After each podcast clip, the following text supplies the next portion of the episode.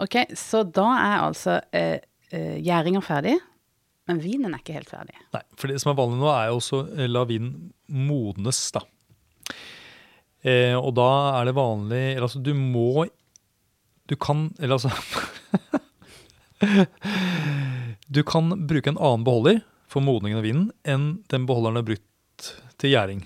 Eller du kan bruke den samme beholderen som du har brukt til gjæringen. Du kan velge. Ja, det bør jo ikke være samme. Nei, Så det betyr at du, du kan ha gjæret vin i en ståltank, men så kan du modne vinen i et eikefat, f.eks. Ja. Men så er spørsmålet vil du ha en modning av vinen, eller vil du bare bevare vinen slik den er, eh, til det er klart å tappe vinen, f.eks. Noen produsenter de tapper da den ferdige gjæra vinen over på store ståltanker som, sånn, som kjøler ned vinen til kanskje under null grader. Og da står alle de kjemiske prosessene ganske sånn stille. Da skjer det ikke så mye. Men da er det ikke en modning. Da er det bare, bare å bevare vinen. Ja. Nettopp. Ja.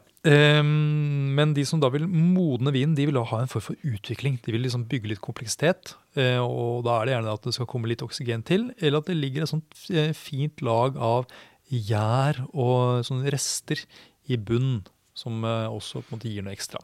Men vi kan begynne med å på en måte da selve beholderen da, for modningen. Ja, for det er jo avgjørende for smaken av vinen, hva du Mm. velger å modne på. Ja. Og du var inne om ståltank, lite preg, Ja. nøytralt. Og så kan vi ha, som, som vi har snakket om, betong og glassfiber og sånt nå, også lite preg. Så da sitter vi igjen med det som er av treverk. Ja. Og da er jo spørsmålet er det nytt treverk, er det en stor eller liten eh, beholder osv. Da er det slik at eh, nytt treverk det setter mer preg enn gammelt treverk. Og noen produsenter har jo sånne store eikeliggere eh, som er kanskje 100 år gamle. Og klart, inni de beholderne så er det da dannet seg sånn der, et sånt, eh, masse sånn krystaller av vinsyre som ligger som, sånn, som har glasert disse treveggene. Ja. Så der er det egentlig ikke noe særlig kontakt mellom treverket og vinen. Selv om beholderen er av tre, så setter det ikke noe særlig preg på. Og så er det da de vinprodusentene som kjøper nye, små eikefat. De eh, bruker disse beholderne for å sette preg på vinen. Og så eh, var vi også innom eh, dette her med Ok, du har eh, størrelse på eikefatet, du har eh, alder på eikefatet, og så har du dette med eh, brenninga inni. Mm. Du, det er jo en, rett og slett en varmebehandling Ja. som man kan gjøre i større eller mindre grad. Litt som man toaster et brød. Toasterbrød eller eh, brenning av kaffe. og Ja. De gir litt sånn ulike typer aroma. Og De som har vært borti øl også, ulike typer malt, også er jo sånn utsatt for litt ulike typer varmebehandling. Og det fins jo de som er helt sånn at det nesten ikke er varme, som bare gjør at den blir hardere på Ja. innsida. Som eh, Ja, det er jo mye, det er mye utprøving av forskjellige måter å, å behandle det treet på, egentlig. Ja. Og da kan da, Produsentene kan da velge litt at de kan ha en sånn blanding av nye og gamle fat, og en blanding av uh, ulik type ristingsgrad også på fatene. sånn at de, Så blander de kanskje vinen sammen før tapping, sånn at de får litt av uh, ulike ting med seg. Ja, og trenden nå er vel det at det skal være ikke så tydelig av det der brente treverket. Nei. Som det var en periode, kanskje sånn, ja, skal vi si 90, 80-tallet. 80-90-tallet, ja. Som det var en sånn trend som var veldig lik. Skulderputer og permanent. Og, og mye toasting. ja, Grunchen var på en måte var det, det slutta med grunchen, kanskje? Kanskje? Ja. Ok. Mm. Uansett. Nei, um, eh, ja. Men så er det da ulike typer eik også. Eh, Ja. Vi snakket om at eh, den amerikanske hviteiken den gir jo med vanilje- og kokosaromaene. Og så fins det da fransk eh, eik, som kanskje er noe av det dyreste eiken du kan kjøpe til fat. Og så fins det det som kalles slavonsk eik fra Kroatia. Mm. eh, som da er ikke så hardt som den franske eiken, så den på en måte gir litt mer aroma. Ja, ikke så hardt. Rett og slett et tre som vokser raskere. Så litt større porer. Så ja, Men så finnes det jo andre treslag også. og jeg vet at I Italia så brukes det både akasia og kirsebærtre f.eks. Ja. Og kastanjer. ka-. Nøttetrær. Nøttetrær. Ja. Mm. Valnøtt. Ja. Mhm. Eh, men jeg tenker at mange av de treslagene er også litt sånn harde treslag som egentlig gir ganske lite aroma. Ikke så mye av det der parfymerte preget som eik kan gi. da. Ja. Jeg vet ikke om du tenker noe annet. Eh, nei, jeg har eh, jeg var på et besøk hos en vinprodusent som også lagde eddik, som eksperimenterte med å lagre eddik på ulike fat. Som hadde et, altså en imponerende rekke med fat. Men eh, mange av de eh, harde treslagene var ofte veldig, veldig små fat. Ja. Eh, sikkert litt for å få liksom større hva heter det, ratio, altså større overflate. Men også fordi at det, det er sikkert ganske dyrt. Ja. Men det var ganske store aromatiske forskjeller, uten at jeg kan huske akkurat hva det var. Kanskje trærne er litt små. Ja, Ja. sannsynligvis. Eh, nei, og så er det da et stort spørsmål. Hvor lenge skal du la vin ligge da, på disse fatene? For det er noe at eh, det meste av uttrekket skjer jo ganske sånn, ja, ikke veldig fort, men det, det er ikke sånn at den, du får mer og mer og mer og mer av disse stoffene i vinen eh, fra fatet. Eh, etter hvert så på en måte har du fått trukket ut det meste.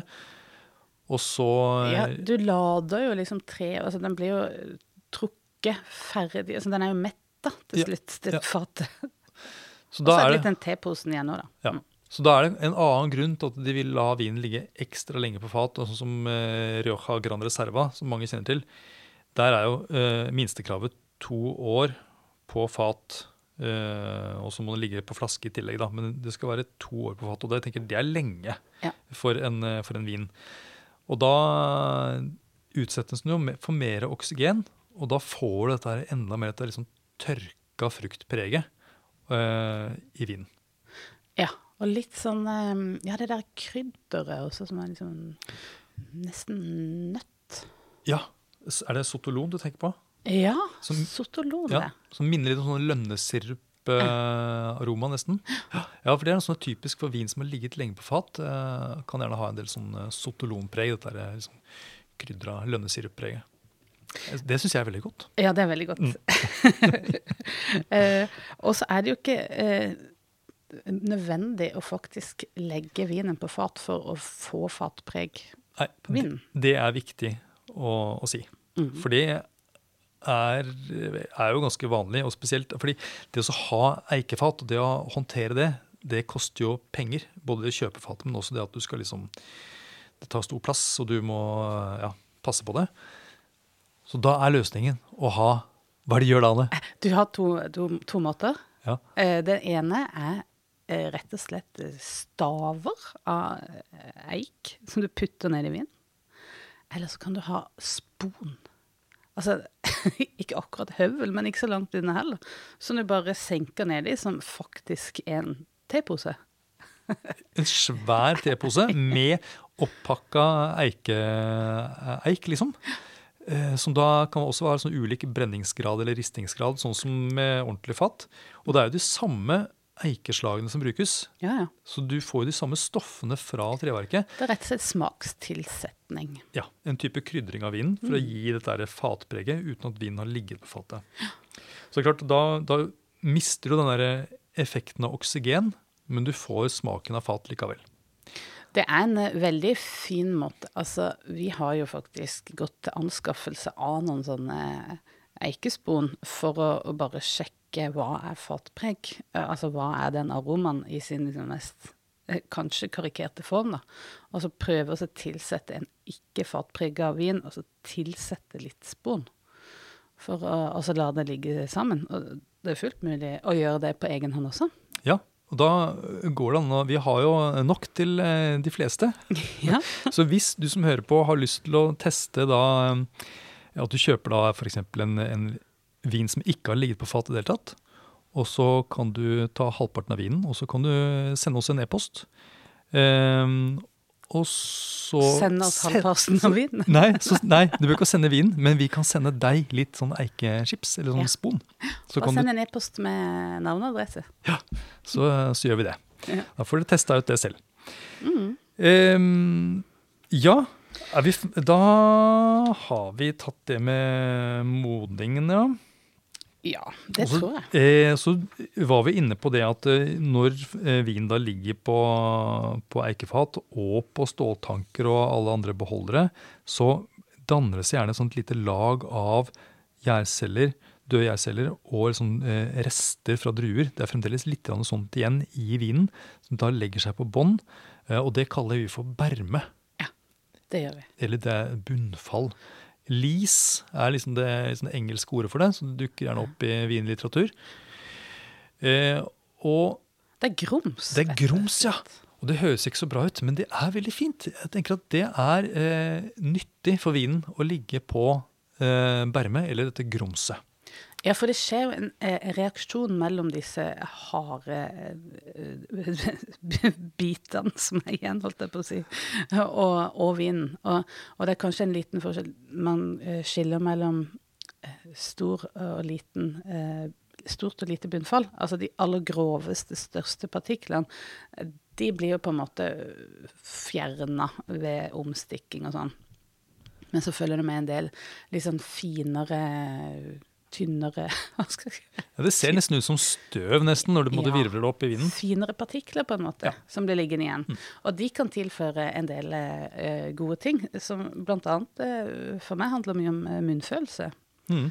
Ja, hvordan, ja, hvordan da? At det blir en sånn her kremahet i, i munnfølelsen som er veldig sånn saftig og god.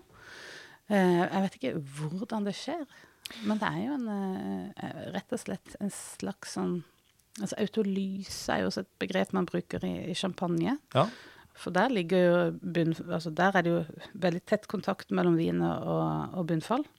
Det er sånn selv, selvdestruksjon, tror jeg Ja. det betyr. Det er en slags oppløsning av disse stoffene. ja. Jern den eh, løser seg på en måte litt opp. Og da er det gjerne noen sånn eh, proteiner og sånt som kan komme ut, og det er Det gir en litt sånn ikke veldig feit, men det er på en måte en litt sånn rundere munnfølelse. på En måte, en type rikhet. Og så en annen effekt av det at vinen ligger på, på denne bermen, er at eh, den bermen jobber også litt videre med en del av disse stoffene som fins i vinen. Eh, bryter det kanskje ned og bygger opp andre, andre stoffer, som gjør at vinen blir mer stabil. Ja. Eh, en vin som har ligget la oss si to-tre måneder på, på bermen, har en sånn fruktighet som er mer holdbar enn en vin som ikke har fått ligget på, på bermenpreget. Så det tenker jeg det kan være en, en fordel.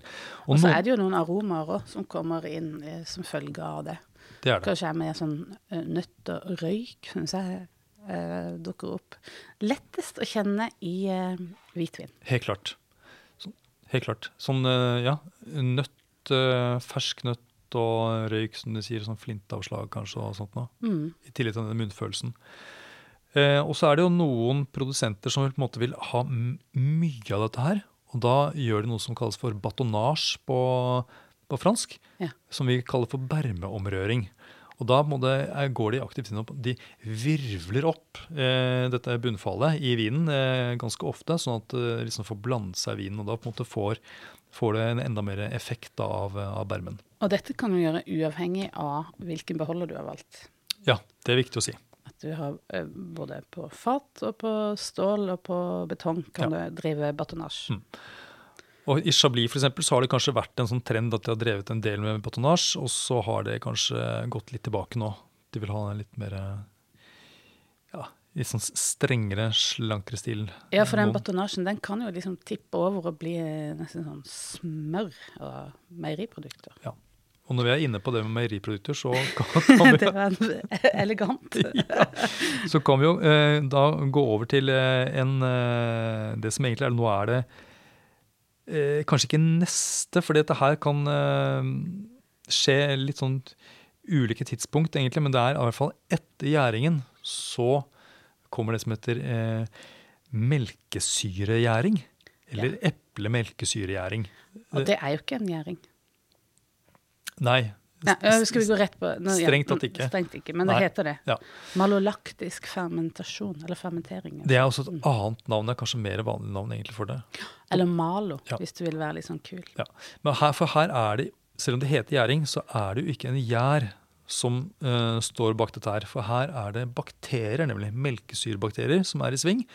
Uh, og uh, det skjer vanligvis i de fleste viner, med mindre produsenten gjør noe aktivt for å hindre det. Ja. Eh, og da Vi må nesten forklare hva, det, hva som skjer. Ja, det er jo egentlig prinsippet ganske enkelt. I vinen så er det eh, en del eplesyre. Ja.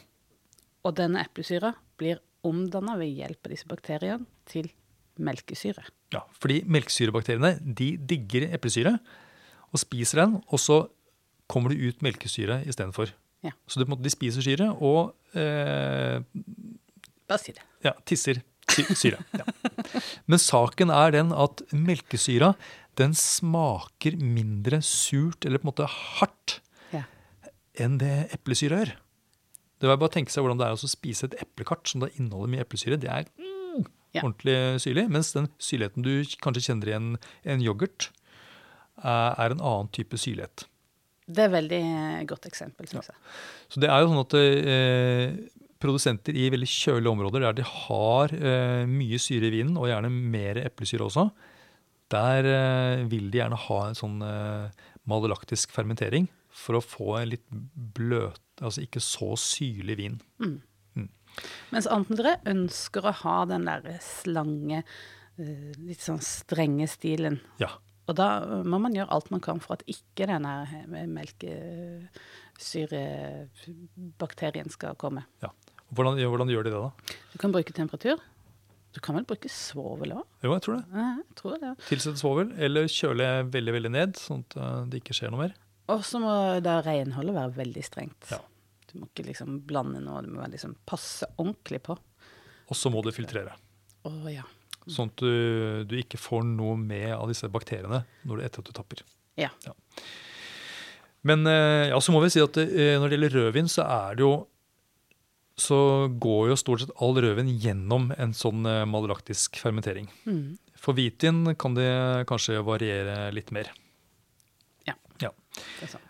Eh, en annen effekt, da, bortsett fra dette med syrligheten, er jo det at disse melkesyrebakteriene kan produsere en del aromaer også. Og eh, det som for, eller altså det som kalles diacetyl, som er et sånt stoff som brukes i margarin bl.a., den derre smørsmaken, det er noe denne melkesyrebakterien lager.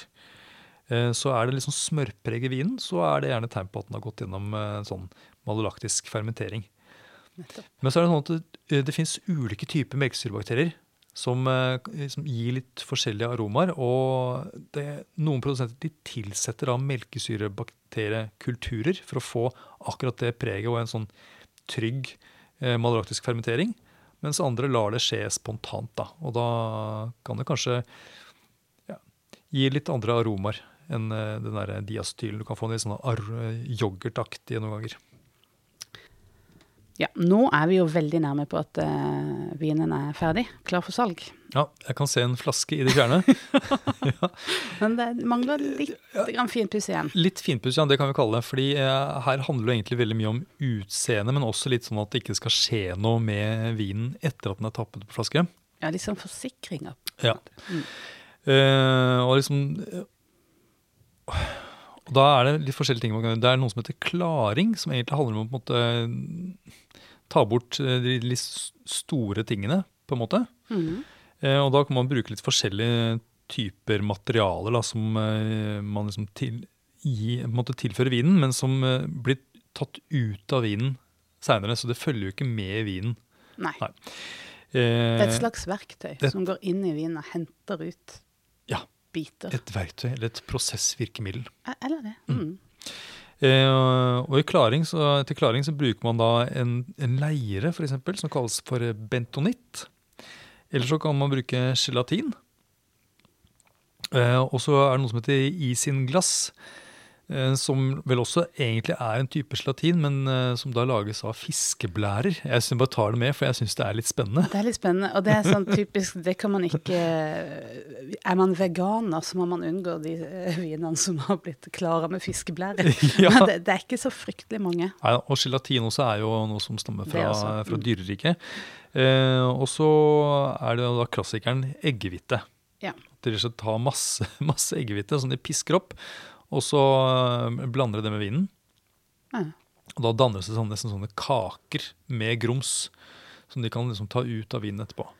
Ja, for det er jo rett og slett det at du får partiklene til å bli større ved å tilsette ting som klumper seg sammen Ja. med de tingene Ja. du vil ha ut. Ja. Og så er det noe der som gjerne brukes da i kombinasjon med filtrering også. Når du liksom filtrerer etterpå, så er liksom dette klaringsmiddelet hjelper til med å liksom få ting ut i filtreringen. Men den, jeg tror nok det vanligste her er jo allikevel denne leira, altså bentonitten. Mm. Ja. å bruke eggehvite f.eks. er jo eh, kostbart. Ja, det var mye brukt før, da. Mm. Det er en grunn til at sånn som Portugal eksempel, har en lang tradisjon med bakst med eh, eggeplommer. Er det Vi sant? hadde så mye eggeplommer til overs. Nei, er det sant? Ja. Ja. ja det, Og så fikk de sukker fra Brasil. Så eggeplommer og sukker. Åh, ja. det, blir, det, det, blir mange, det kan bli mange gode ting. Jeg ser, jeg ser for meg en sånn vaniljesaus. Ja, de har jo sånn vaniljeterter. Vaniljesausterter. Yes. Ja. Ja. Eh, Nok om Nok det. om det. Eh, Men så er det da noe som heter kaldstabilisering. Eh, Og da er som prinsippet at, og igjen er det å få ut ting av vinen. Eh, Og kaldstabilisering, da kjøler du vinen ned under null grader. Og det som skjer da, er at væske som eh, har, som er, altså ting som er løst opp i en væske, uh, har lettere for oss å felles ut når væsken blir avkjølt. Hvis Ja. noen husker det fra uh, kjemien på videregående. Nei, jeg husker det ikke, men, men, men jeg, tror det når du sier det. Ja. Nei, så det, og det som felles ut da, er jo protein og syre spesielt, da. Ja. Som da eh, felles ut som sånn type krystaller eller sånn type bunnfall, og så kan det tas ut av vinen. Og da vil ikke dette felles eh, ut seinere, når vinen har kommet på flaske. Fordi eh, For mange kunder så vil det se litt, litt sånn urovekkende ut hvis de kjøper en flaske, og så ligger det sånne små krystaller i bunnen som ser ut som knust glass, nesten. Mm.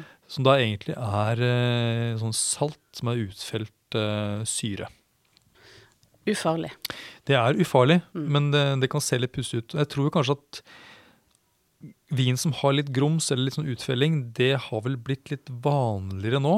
Mm. Eh, sånn at eh, mange kunder de skvetter nok ikke like mye av eh, sånt lenger. Og produsentene de kan nok tillate seg nå å ikke filtrere eller liksom kaldstabilisere så mye. eller... eh, Ja, for nå finnes det jo massevis av viner på polet som ikke er eh, verken klare eller filtrert. Mm. Som er helt skya Ja. og grumsa. Du ser det ligger et sånn tjukt lag i bunnen med greier, uten at det er noe som eh, er et problem. Nei. Mm. Og så er det da eh, filtrering. Eh, og da er det liksom bare å det er jo, Når du lager kaffe gjennom et kaffefilter, så er jo det en, en form for filtrering. Og da er det jo også Vinen skal da kjøres gjennom uh, filteret, og da er det noen ulike grader av hvor, fint dette filteret er. Og jo finere filteret er, jo mer tar du ut av, uh, av vinen. Og noe av det produsentene ønsker om å filtrere vinen, er også å ta bort gjær eh, sopp og bakterier, sånn at ikke de skal fortsette å leve i vinen. Og spesielt vin som har restsukker, altså søt vin, er jo mer utsatt for en ettergjæring eller en ettervekst da, i, i flaska. Så der er, er jo filtrering eh, kanskje viktigere. Ja, Og her kan jo eh, er det mange forskjellige grader av filtrering. Du kan jo gå helt ned på det som kalles sterilfiltrering, der man liksom virkelig stripper vinen, holdt jeg på å si, for alt som, ikke, som er tegn til uh, liv. Men Ja. med det så er det jo også en fare for at du kanskje fjerner noe aroma, for da er jo fil filteret såpass finmaska at du faktisk tar vekk stoffer som, som har aroma i seg. Ja, Det- Og munnfølelse. ja, det er egentlig et veldig godt poeng. Det er, er jo risikoen her, at du får mindre smak i vinen, rett og slett.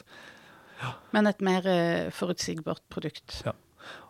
Eh, en del produsenter som ikke filtrerer, de velger jo også å skrive det på eh, etiketten.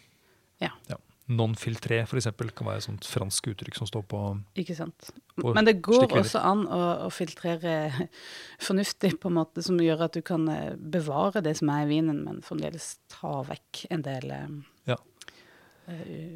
risiko, da. Det er det som på, blant tyske vinprodusenter kalles 'fernuftig'. Filtrering. Det, det er helt riktig. Det er kanskje nytt for deg? Har ikke hørt den før, men eh, Nei, det var noe jeg bare fant, jeg bare fant på. det var noe fra videregående. Eh, men også fins det en, en sånn ekstremform av filtrering. Eh, filtrering for viderekomme, viderekomne, altså sånn ekstremistfiltrering. eh, som da kalles omvendt osmose. Ja. Eh, og, det, og da er filteret så fint eh, at det er kun vann og etanol som kan passere gjennom filteret. Alt det andre blir værende på den andre siden. Kun, kun vann og etanol går gjennom. Det andre blir igjen. Ja. Og eh, fordelen da er jo at da kan eh, produsenten justere hvor mye alkohol og hvor mye vann det skal være i vinen etterpå. For da kan han på en måte sette ting sammen igjen etterpå. Eh, med liksom eh, ønsket mengde vann og, et, og alkohol. Men sitter du igjen da med tørrstoffer på den ene sida, og så har du da vann og alkohol på den andre sida? Uh, ja, det regner jeg nesten med. Nå spør du vanskelig. Jeg, jeg tror det. Jøss. Ja, Ja. det er jo Det er ekstremistisk. Ja. Uh, det er ikke så vanlig, altså. Nei, men jeg vet jo at det er en måte også å lage um, alkoholfri vin på, Nettopp. for eksempel. Ja, eh, øh, oss, ja, vi var inne på dette her med at vi ikke skal ha noe sånn der, det skal leve noe særlig i vinen. Da. Mange er redd for det. Eh, og da er jo også pasteurisering en, eh, en måte å, å hindre det på. Å bare, bare varme opp vinen. Eh, og det går gjerne veldig fort. Det kan sendes inn med sånt rør der man man får en sånn veldig rask oppvarming og en rask nedkjøling av vinen.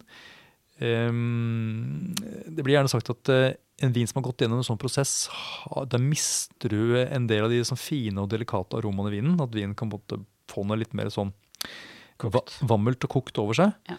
Eh, Men dette her er heller ikke en prosess som er vanlig tenker jeg, i kvalitetsvin. Eh, Gjerne søte og rimelige viner, eh, og ikke vanlig i det norske markedet, vil jeg si. Nei. Nei.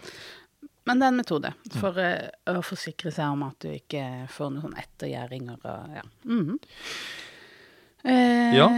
Da er det, det kanskje Vi nærmer oss nå eh, flasketuten. Jeg ser den. polhylla. Ja, for nå er på en måte da eh, eh, vinen eh, er på en måte nå samlet i én stor tank. Du har kanskje samlet sammen masse fat og, eh, og Ja, sånt nå. for det er også en viktig prosess. Ja, du har på en måte blandet vinen sammen. Mm. Og så nå skal den tappes på flaske, og da er det vanlig å tilsette da litt svovel. De aller, aller fleste gjør det, altså. Ja. Til og med det som kalles naturvinprodusenter tilsetter ofte, ikke alltid, eh, men eh, kan tilsette litt svovel. Ja. Og det er jo både for å hindre da en oksidasjon, mm. men også en bakterie- og gjærvekst. Ja. Og det er spesielt ved flasketapping at det tilsettes en liten dash med svovel. Kan, tenker du, eh, Anna, at du kan kjenne om vinen har noe preg av svovel? Hmm. Jeg tenker at hvis, den, hvis det er ekstremt Hvis det er brukt mye svovel, for her er det jo også et sånn vinmakervalg som må velge uh, hvor mye man skal tilsette. Hvis det er veldig, veldig mye, så tror jeg jeg kan kjenne det som en form for nesten sånn svie Mm. i munnen. Ja. Man snakker om at det lukter svovel av vin noen gang. Jeg tror ikke det er fra den svovelen. Jeg tror det er mer sånn det, det reduktive vi har vært innom. Men eh, Ja, det tror jeg. men at den eh, eh, munnfølelsen som jeg liksom har, altså nesten litt sånn litt død. Ja. Jeg syns at det kanskje kan oppleves som nesten som litt sånn prikking i nesa. Men, men det er fakta, fordi at jeg har vært med å svovle vin. Ja. Og den eh, svovel i ren form er ekstremt sviende. Ja. Eh, og dette er jo absolutt ikke ren form, det som er i vinen, altså, men når du får det i ren form, så altså det, det røsker opp i, i nesa. Ja. Og Svovel i ren form er jo ikke noe du skal få i deg. Og eh, vi må jo nå si at disse reglene for hvor mye svovel som kan brukes i vinproduksjon, er jo langt innenfor hva Altså det er ikke noe skadelig. Nei. Nei. Overhodet ikke. Da ville det meste av tørka frukt og fiskemat og mm, kjøttpålegg Altså Ja, for der brukes det også svovel, selvfølgelig. Ja. ja. Nei, øh, så svovel er liksom det siste som skal eh, på, gjerne. Og så Og mengden der, det, unnskyld, nå Ja. avbryter jeg det, men mengden av svovel er jo også da eh, også disse grensene. Det tillater man mer i søte viner, for der trenger man mer, og mindre i tørre viner. Og så hvite viner svovles ofte litt mer enn en røde. Eller det er i hvert fall regelverket tillater mer der, da. Ja. Og så er det sånn at uh, produkter som er merket som eh, økologisk eller biodynamisk, har uh, enda lavere grenser for, uh, for svovel. Ja. Ja. Og svovel er jo en av de få ting, eller kanskje den eneste tingen som produsenten er pliktig å merke på etiketten. At den er tilsatt i vinen. Og så må vi også si det at eh, gjennom gjæringen så produseres det også svovel, faktisk. Sånn at du vil aldri få en helt svovelfri vin. Nei. Du kan ha svovel der, selv om den ikke er tilsatt svovel. Eh, ja. Eh, Men så er det nå- den her flasketappinga, da. Ja, ok. For den er egentlig litt eh, spennende. For jeg har vært med på flasketappinga, nemlig. Og det er en stor dag. Det er litt sånn 17. mai-aktig. For det må skje veldig raskt. Det er logistikk. For du må ha eh, Alle tankene må jo på en måte eh, være helt klare. Alt må være preppa og klart. Og uh, alle må stå klare ved dette samlebåndet. Og så er det jo gjerne en eh, Altså det er jo en automatisk fylling. Du, du setter opp på Setter flasker opp på et samlebånd. Setter, kobler til eh, slangen til flasketappemaskinen. Og så kommer de inn, og så bare tapper det oppi gjerne kanskje litt CO2.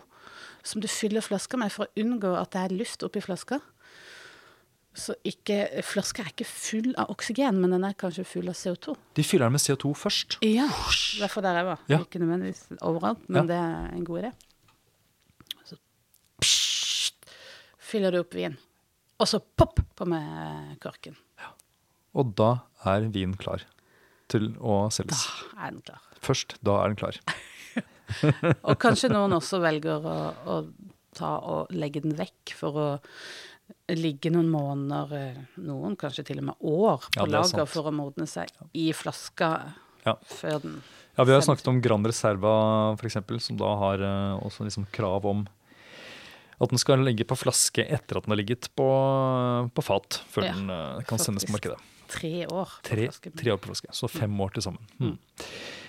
Ja, Um, nå har vi vært gjennom en god del ting, eh, Anne, men vi har sikkert eh, hoppet over noe eller glemt noe. Eh, Ja. Så ja, dere som har hørt på, dere får bære over med oss. Um, Ja, for det er, det er mye, det er mange ledd i denne historien. Ja. Og så er det kanskje verdt å, nevne det at eh, sånne ting som eh, du var inne på, det, men økologisk vin, biodynamisk vin, koshervin og eh, naturvin. Altså det er en del sånne organisasjoner som, eh, som setter veldig sånn strenge krav til produksjonsmetoder og grenseverdier og diverse ting. Og, og det har vi jo ikke vært inne på, Nei. blant annet. men vi har vært innom mye annet. En rekordepisode. Så eh, tusen takk, Sebastian, for at du sendte oss dette eh, enkle, men kompliserte spørsmålet. Det, det ble det en veldig lang podkastepisode. Jeg håper du fikk svar på spørsmålet ditt. Og bare ta kontakt for å få tak i eh, Eikespor, de som vil det. Tusen takk for oss, og takk for at dere hørte på.